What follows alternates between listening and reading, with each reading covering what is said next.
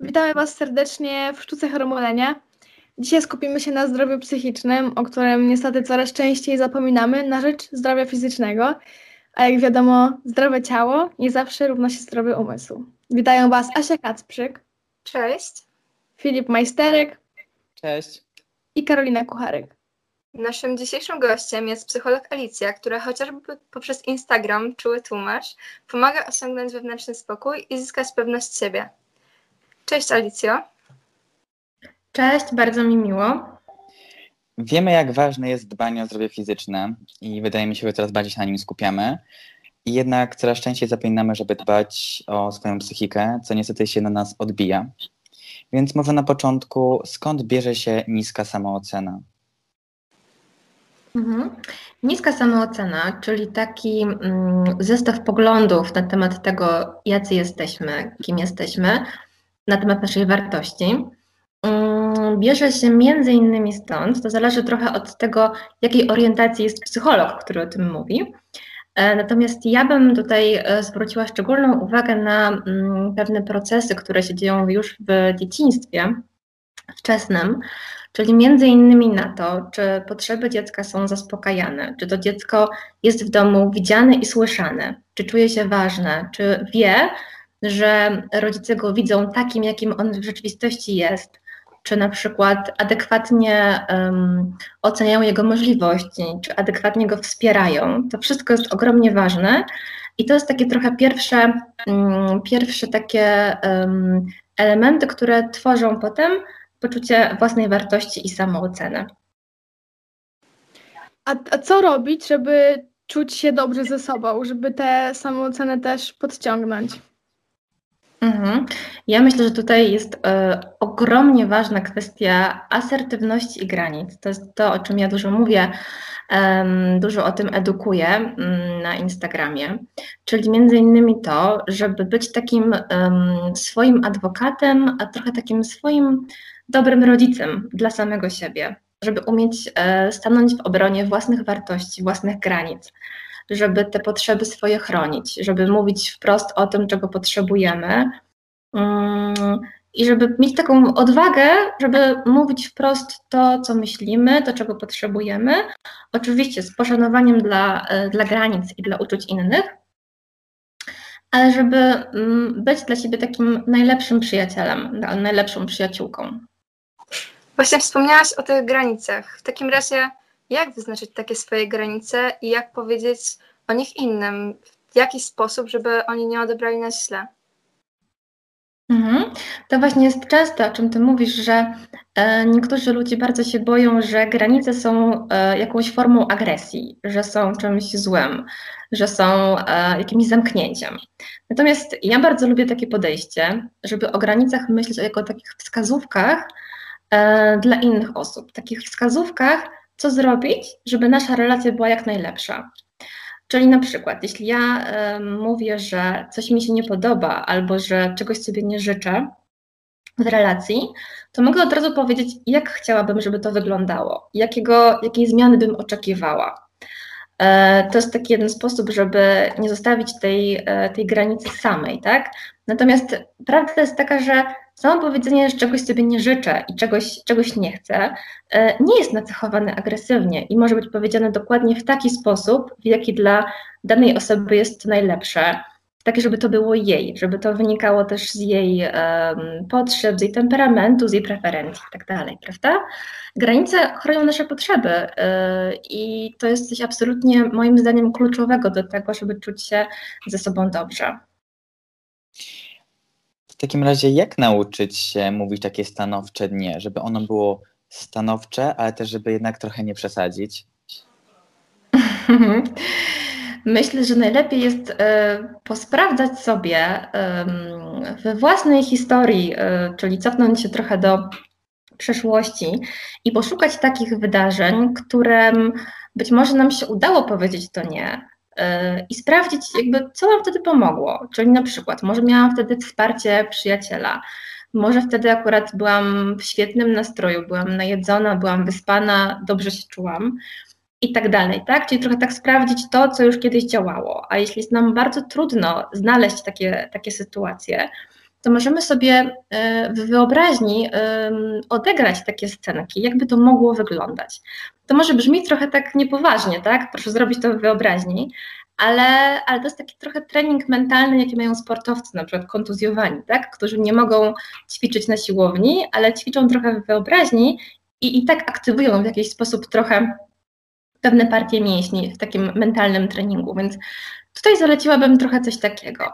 Postawić się w takiej trudnej sytuacji w swojej wyobraźni, e, sprawdzić, z czym czułabym się dobrze, z jaką formą odpowiedzi, czy z takim bardziej nie wiem, stanowczym nie, czy na przykład z wytłumaczeniem, czy właśnie nie chcę się tłumaczyć, bo nie muszę się tłumaczyć, prawda? Jeśli nie chcę, to absolutnie tego nie muszę robić. Mm, tak popróbować sobie, co jest takie nasze, z czym się najlepiej czujemy i potem spróbować to przenieść e, na żywo w taką sytuację z realnymi ludźmi. A jeszcze tak, e, bo właśnie przeglądając Twój profil, poza tymi granicami, jak stawiać te granice i jak je wdrażać w życie, mówiłaś też o, takim, e, o takiej chęci, mm, takiego poczucia, o takim poczuciu, że musimy spełniać wymagania i oczekiwania innych. Jakby jak się pozbyć mhm. tego poczucia właśnie? Tak, to takie mm, jest takie ładne określenie pod tytułem people pleasing. Rozumiem, że o tym mówisz, prawda? Tak, tak. Mhm, takie people pleasing, czyli zadowalanie innych ludzi. Generalnie to trochę to zależy od tego, y, jakiej my pracy z tym, y, jakich my efektów oczekujemy, jak, jaką pracę chcemy wykonać. Możemy na przykład skorzystać z profesjonalnej pomocy, czyli po prostu z pomocy psychoterapeuty albo psychologa, i spróbować się trochę e, skonfrontować z tymi trudnościami i zbadać taki, w takim bardzo bezpiecznym środowisku i sprawdzić, skąd to się mogło wziąć i, i co możemy z tym zrobić. To jest na pewno jedna taka bardzo, powiedziałabym, bardzo bezpieczna forma pomocy, bo z profesjonalistą też w takim bardzo bezpiecznym środowisku z takim wsparciem fajnym. Natomiast y, można też korzystać z innych form pomocy, na przykład z warsztatów asertywności, które pomagają właśnie nauczyć się trochę i stawiania takich e, jasnych granic, e, i też dawania feedbacku, e, przyjmowania krytyki i tak czyli tego, co jest z tym zjawiskiem związane. E, mogą też być pomocne wszelkiego rodzaju e, takie dobre, e, dobre książki edukacyjne, mm, jakieś kręgi, jakieś spotkania takie, prawda, które kręgi kobiet na przykład są takim fajnym przykładem takich bardzo wzmacniających spotkań dla kobiet, które pomagają między innymi właśnie budować takie poczucie własnej wartości, taką odwagę do tego, żeby mówić o swoich potrzebach i żeby stawiać granice. Wspomniałaś o specjalistach. E, mhm. Wydaje mhm. mi się, że większość z nas wstydzi się jednak udać do specjalisty. Jak przełamać ten strach? Ja mam wrażenie, że to się już troszkę zmienia, że to jest coś, co powoli, powoli, ale jednak się zmienia. Obserwuję teraz bardzo y, świetne w ogóle zjawisko. Y, czyli po prostu takiego otwartego mówienia o tym, że się y, uczestniczy w terapii, bez takiego nadmiernego y, ani tabuizowania tego, ani jakiegoś takiego nadawania temu jakiegoś specjalnego znaczenia. I to mi się wydaje bardzo zdrowym podejściem, tak? Tak samo jak mówimy zupełnie normalnie, że y, idziemy do neurologa, tak samo możemy mówić totalnie normalnie, że idziemy do psychoterapeuty, bo to też jest forma dbania o nasze zdrowie i to się tak naprawdę niczym nie różni. Więc y, myślę, że takim y, fajnym pomysłem jest o tym po prostu mówić w najbardziej oczywisty i zwykły sposób, y, bez nadawania temu tego specjalnego znaczenia, prawda? Bez ukrywania się. Myślę też, że dzięki temu będziemy wszyscy wspólnie budowali pewien rodzaj świadomości, że psychoterapia, wizyty u psychiatry, u psychologa są bardzo skutecznym i ważnym elementem i profilaktyki oraz e, wspierania naszego zdrowia psychicznego. A właśnie, bo teraz coraz częściej jest tak, że osoby z naszego otoczenia uważają, że albo wyolbrzymiamy swój problem, albo nie wiem, wymyślamy, bo chcemy atencji albo czegokolwiek. I często jest tak, że oni mm. Nie odbierają tego jako realny problem, tylko jako takie nasze, że tak powiem, widzimy się. To jak jakby, mm. nie wiem jak to do końca e, w tak w cudzysłowie, jak to uzasadnić, że to rzeczywiście jest realny problem i że potrzebujemy pomocy? To ja odpowiem tak. Czy my musimy w ogóle to komuś uzasadniać? Czy w ogóle jest taka potrzeba, żeby komuś udowadniać, że mamy naprawdę prawdziwe problemy? To jest tak naprawdę takie pytanie tutaj retoryczne do, do, do rozważenia indywidualnie. E, myślę, że warto zawsze mówić o tym, że każdy z nas ma swój odrębny świat przeżyć, który jest absolutnie niedostępny dla innych osób. Tak jest oczywiste, że każdy z nas ma swój krajobraz emocjonalny i ma swoje wnętrze, które jest tylko dla nas dostępne. I możemy, to co zawsze doradzam w takich sytuacjach, to powiedzieć, że rozumiem, że tak to postrzegasz, ale moje emocje nie podlegają ocenie, ponieważ żadne emocje nie podlegają ocenie, one po prostu są.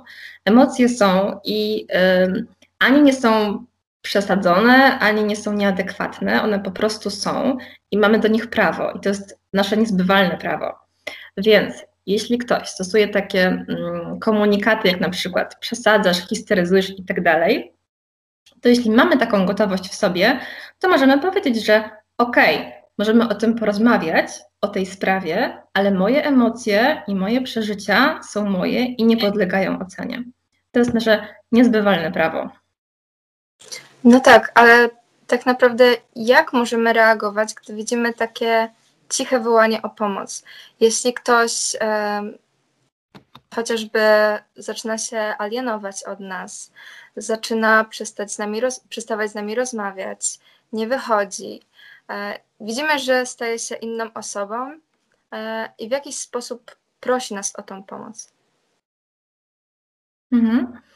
Myślę sobie, że to, e, że on prosi o pomoc, to jest też trochę nasza interpretacja tego wszystkiego i my tego do końca nigdy nie wiemy. Natomiast um, możemy też, możemy zawsze zasygnalizować naszą gotowość do tego, że my tej pomocy udzielimy. Jeśli mamy na to własne zasoby i mamy na to gotowość, to to jest zawsze dobra opcja. Czyli zostawić taki komunikat: e, hej, ja tu jestem, e, spokojnie możemy porozmawiać, chętnie Cię wysłucham widzę, że coś się dzieje, tak? Coś z takiego obszaru takich, e, takich komunikatów, które są um, sygnałem naszej gotowości, że chętnie wysłuchamy, że chętnie się spotkamy, chętnie pomożemy, tylko po prostu potrzebujemy zgody, oczywiście, jak zawsze, i takiej wskazówki, jak możemy pomóc, tak? Bo też nigdy nie pomagajmy na siłę, tylko zawsze e, tę formę pomocy też zawsze konsultujmy z, z osobą, która mają otrzymać. To jest też bardzo ważne. To tak zupełnie od tej, od tej drugiej strony, e, jak powiedzieć w ogóle, że potrzebujemy tej pomocy. Bardzo często tłamsimy coś w sobie, e, myślimy, że nie chcemy się komuś narzucać, dlatego przestajemy się po prostu odzywać do tych ludzi, bo uważamy, że nasz problem może być dla kogoś błahy, że możemy nie otrzymać pomocy, czy może to po prostu kogoś nie interesować. A tak naprawdę często tak nie jest, więc jak się przełamać mhm. i poprosić? Ja uważam, że bardzo pomocne jest takie podejście: ja mam prawo zapytać, a ty masz prawo odmówić. To jest takie, mm, taka bardzo prosta mantra, która mm, może wiele rzeczy ułatwić, tak? Czyli moje proszenie o pomoc, moje pytanie, czy mi pomożesz, jest stuprocentowo ok. Ja to mogę zapytać. A druga osoba, jeśli nie będzie miała na to zasobów, gotowości, czasu, ochoty itd., tak będzie mogła odmówić jak się ma takie podejście, że to jest ok pytać, to jest ok odmawiać, to jest ok prosić o pomoc, to mm, ma się też czasami większą odwagę y, prosić o różne rzeczy, a też odmowa nie jest dla nas tak straszliwie trudna. Kiedy myślimy o tym, że ktoś odmawia, to często sobie myślimy, że y, nie chce nam pomóc, tak? A fajnie mieć też takie trochę szerszy, szersze spojrzenie, że ta osoba też może nie mieć w tym momencie zasobów, może nie mieć teraz czasu, siły, gotowości i tak. Wydaje mi się, że w tym wszystkim też jest bardzo ważne przyznanie przed samym sobą.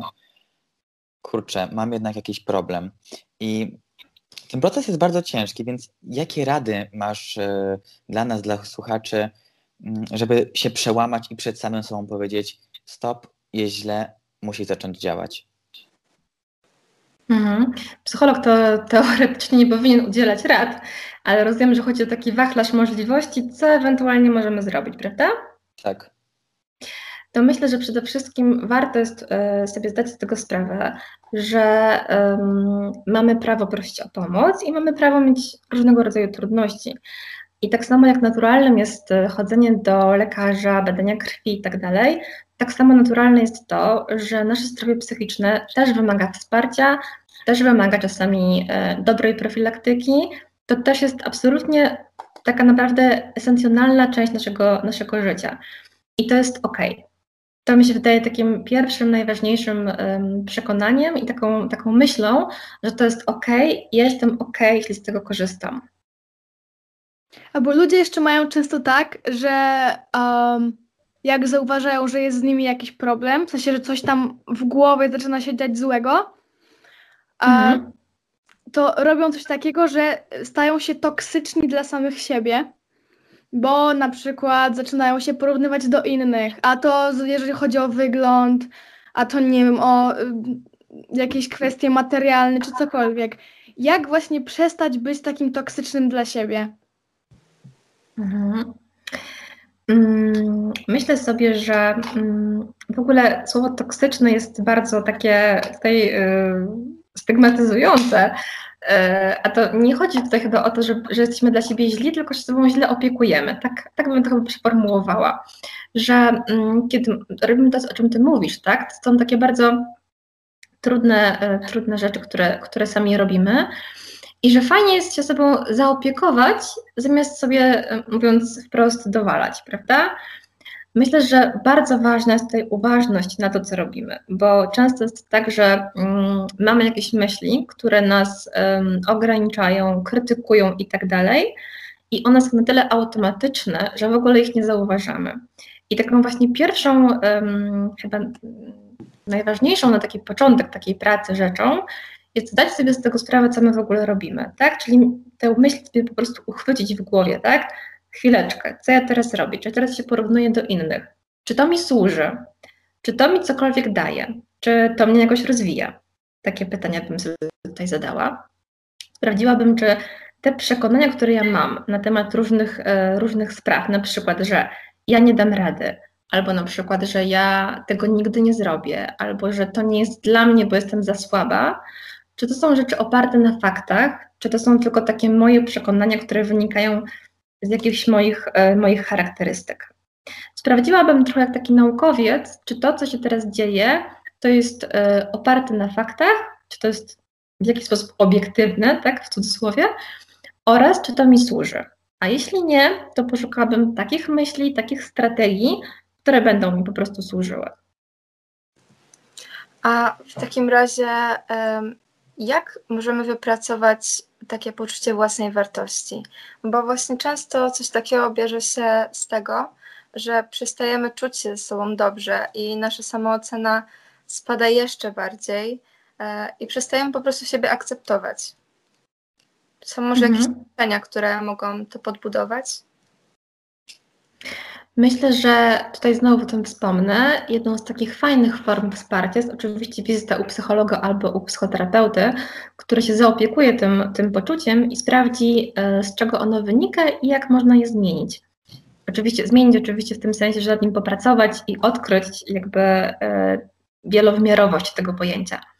Natomiast to, co my możemy zrobić um, sami, to jest spróbować um, sformułować takie um, przekonania, które tworzą do samooceny. Na przykład, um, jeśli na przykład mamy kiepską samoocenę, którą między innymi budują przekonania takie jak na przykład mnie się nigdy nic nie udaje, albo na przykład ja nigdy nic nie osiągnę, to możemy spróbować sobie sprawdzić, tak samo jak w poprzednim przykładzie, czy one są oparte na faktach, czy nie ma żadnych takich sytuacji w przeszłości, kiedy mnie się tak coś udało, kiedy coś osiągnęłam. Bo jeśli tak, to to oznacza, że nie do końca jest tak, że mnie się nigdy nic nie udaje, prawda? Więc zrobiłabym sobie taką um, historię przeglądarki, jeśli chodzi o, o własne życie, i sprawdziła, czy miałam takie wydarzenia, które nie są do końca zgodne z tymi przekonaniami. Czy te przekonania są oparte na wiarygodnej wiedzy, czy bardziej na jakichś tam moich, moich trudnościach. To jeszcze bym tak wróciła do tego, y, co powiedziałaś, że wizyta u psychologa jest dobrym mm, rozwiązaniem. to skąd wiedzieć, że dany psycholog jest dla nas dobry? Kiedy już wybierzemy i po tej wizycie bo właśnie ja sama miałam taki przypadek, że e, poszłam do psychologa, wiem, że to był tylko psycholog szkolny, ale myślałam, że mi w jakiś sposób pomoże. Opowiedziałam o swoim problemie, a został on tak całkowicie totalnie olany i zostało mi powiedziane, że to normalne, że mam takie myśli, bo jestem w klasie maturalnej albo cokolwiek. I jakby i to nie było tak, że ja poczułam się, że e, ta osoba, do której poszłam, była nieodpowiednia, tylko miałam w głowie myśli, że a to może rzeczywiście, e, nie wiem, ja wyolbrzymiam albo, albo nie wiem. Dopiero Mhm, po czasie wiedziałam, że to był jakby zła osoba. To tak tylko dygresją zacznę od tego, że tylko psycholog szkolny też może zrobić dużo dobrego i to nie, nie musi być tylko psycholog szkolny, bo takie osoby mają bardzo dużo um, możliwości wspierania młodych ludzi, więc, e, więc wielka szkoda i bardzo mi przykro, że to spotkało, bo myślę, że mogło z tego wyniknąć dużo dobrego, a, a nie wyniknęło, jak się okazało. Natomiast um, myślę, że takim bardzo ważnym, um, ważnym elementem wybierania um, psychologa są po pierwsze jakieś tam rekomendacje, które są zawsze wartościowe. Jeśli ich nie mamy, to warto poprosić psychologa na pierwszej wizycie o to, żeby nam okazał e, swój dyplom ukończenia studiów psychologicznych, swój certyfikat e, psychoterapeuty, jeśli nim jest oczywiście, swoje, e, swoje dyplomy ukończenia kursów i tak.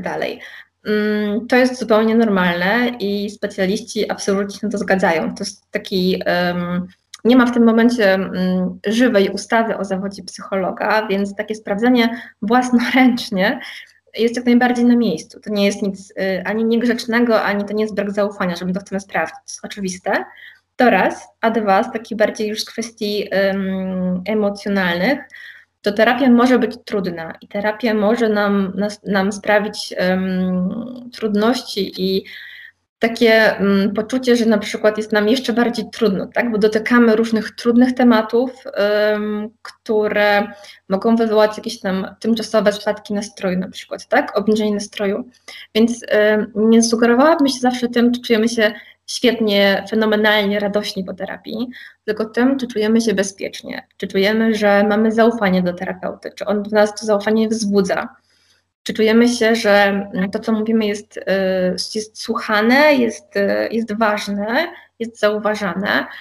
Y, to są takie najważniejsze chyba wyróżniki dobrej relacji terapeutycznej, tak? Czyli czy czujemy się bezpiecznie, czy mówimy bez, bez lęku i bez takiego poczucia zażenowania o tym, co czujemy, o naszych trudnościach e, i czy czujemy, że to, co mówimy, mm, trafia w jakąś, nie w próżnię, tylko jest e, zauważane i, i są adekwatne reakcje na to. Ja mam teraz pytanie a propos na przykład Twojego doświadczenia zawodowego. Czy zdarzyła Ci się sytuacja, że przyszła do Ciebie, przyszła do ciebie osoba, miała z nią sesję, um, ale do Ciebie nie wróciła tylko przez to, co usłyszała u Ciebie, że nie, spo, nie spodobało jej się ta prawda, którą usłyszała. Mhm. Tak, zdarzyła mi się taka sytuacja.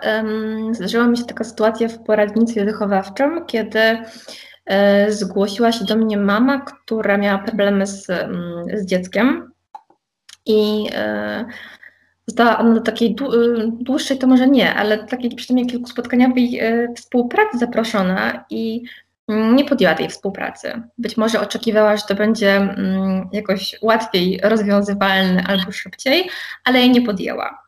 I to też jest bardzo, y, bardzo ważny element pracy, w pracy psychologa. Y, nie ma y, zmiany na, na siłę, tak? Jeśli klient nie czuje, że to jest jego moment na, na zmianę, że to jest jego moment na jakieś podjęcie jakichś działań, czuje, że to nie jest w tym momencie dla niego, to oczywiście ma pełne prawo do tego, żeby tego nie podjąć, żeby zrezygnować. A powiedz, jak jesteśmy rodzicem osoby, która e, chciałaby, która potrzebuje pomocy, może tak, e, i wiadomo, potrzebna jest terapia, ale bardzo e, wiele rzeczy, znaczy bardzo duży wpływ rodzice mają na to, jak pracujemy w domu. Jak jako rodzic możemy wspierać taką osobę? jak się też przełamać, żeby pomóc, bo często rodzice właśnie próbują się odciąć od tego i wmawiają sobie, że jest wszystko dobrze, że moje dziecko sobie z tym poradzi. Mhm, bo to jest bardzo trudne. To jest bardzo trudne um, te zmiany zacząć, ponieważ to jest takie trochę przyznanie, że coś nie jest ok z naszym dzieckiem. I to też często bardzo y, prowadzi do takiego poczucia, że ja jako rodzic nie dałam rady, że zawaliłam, że coś zrobiłam źle. To jest myślenie, które zupełnie nie wspiera i nie służy. I myślę sobie, że warto o tym y, w taki sposób myśleć, że zdrowie psychiczne mojego dziecka jest super ważne. Y, składa się na nie bardzo wiele elementów. Ja jako rodzic mam absolutnie niepowtarzalną szansę, żeby mu pomóc, żeby go wesprzeć i mogę to zrobić jako rodzic. Mam ten kontakt z nim niepowtarzalny, który mogę mm, wykorzystać, żeby udzielić mu pomocy. I to jest wielki przywilej i, i bardzo ważna rola, którą, którą ja mam do wypełnienia.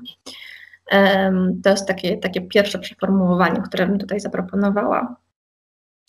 No i myślę też, że warto znaleźć y, specjalistę, który złapie fajny kontakt z dzieckiem, żeby ono czuło też y, właśnie bezpieczeństwo w tej relacji, zaufanie, żeby nie czuło, że jest tam za karę. Często też jest tak, że rodzice wysyłają dziecko na chociażby taką sesję terapię, ale zapominają też o sobie, bo często też rodzice są tym problemem, mogą być takim problemem. E, czy poleciłabyś właśnie taką wspólną terapię rodzica i dziecka? Wspólną terapię to nie poleciłabym jej tak w ciemno, bo to zależy od wieku dziecka, od tego, jak rodzina mm, funkcjonuje, więc nie mogę tutaj powiedzieć, że to jest jeden słuszny model terapii. Natomiast rzeczywiście są takie mm, spotkania w terapii systemowej, gdzie cała rodzina bierze udział, e, kiedy dzieci są już duże i pracuje wspólnie nad swoimi problemami. To oczywiście wymaga e, zaangażowania i zgody całej rodziny, więc to też nie jest coś, co zawsze zdaje egzamin. Natomiast często jest tak, że praca y, rodziców osobno, dziecka osobno już jest, daje fajne efekty. No, rodzic z konieczności musi trochę brać udział, czy musi. Fajnie, jak jest zaangażowany w tę terapię, ponieważ to, co terapeuta robi w czasie tego jednego z reguły godzinnego spotkania w trakcie, w trakcie tygodnia, to to jest oczywiście jedno, ale to, że rodzic e, może wspierać ten proces poprawy e, funkcjonowania dziecka w domu w czasie reszty tygodnia, to jest drugie. To jest niepowtarzalna szansa, żeby wspierać proces terapeutyczny w domu, w takim też fajnym, bezpiecznym środowisku.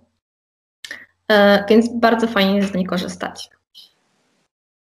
To w takim razie jeszcze tak na koniec zapytam, czy masz może jakieś takie rady, jak się przygotować do pierwszej wizyty? Na przykład co zrobić przed, albo czy nie wiem, jakieś swoje przemyślenia spisać wcześniej, gdzieś na kartce i później wszystko mówić e, psychologowi, czy, czy masz może jakieś takie inne rady? Mhm. To tak, ja myślę, że um, mogę z tego miejsca polecić e, taki e-book um, Igi Stanek, e, psycholożki, która napisała e-booka pod tytułem Na kozetce i on jest o, o, tym, jak się przygotować do tej pierwszej wizyty właśnie, więc jest idealnie tutaj um, w temacie. Natomiast ze swojej strony powiedziałabym, że najważniejsze jest to, żeby o siebie zadbać, żeby przyjść e, wyspanym i najedzonym w miarę możliwości e, zaspokojonymi potrzebami ciała e, i przyjść z takim nastawieniem, że przychodzę po pomoc i to jest ok. To jest tak naprawdę najważniejsze. Jeśli mamy jakąś listę spraw, która wydaje nam się bardzo ważna, to oczywiście możemy ją sobie na kartce zapisać. Ale też bardzo ważne jest to, żeby być uważnym na to, co się dzieje w tym procesie, czyli jakie mamy wtedy emocje, mm, jak bardzo czujemy zaufanie i jak bardzo czujemy, że możemy się otworzyć. To są takie mm, sprawy, na które bym bardzo zwracała uwagę. Alicja, bardzo dziękujemy Ci za wzięcie udziału w e, naszej audycji. Na pewno mm, dużo osób skorzysta z informacji, które tutaj udzieliłaś. A żeby ja również dziękuję bardzo żeby powiększyć e, swoją wiedzę, to zapraszamy na Twojego e, Instagrama, Czuły Tłumacz. E, tam na pewno też wzbogacimy informacje, które tutaj też nam powiedziałaś. Jeszcze raz Ci dziękujemy. Dziękuję bardzo.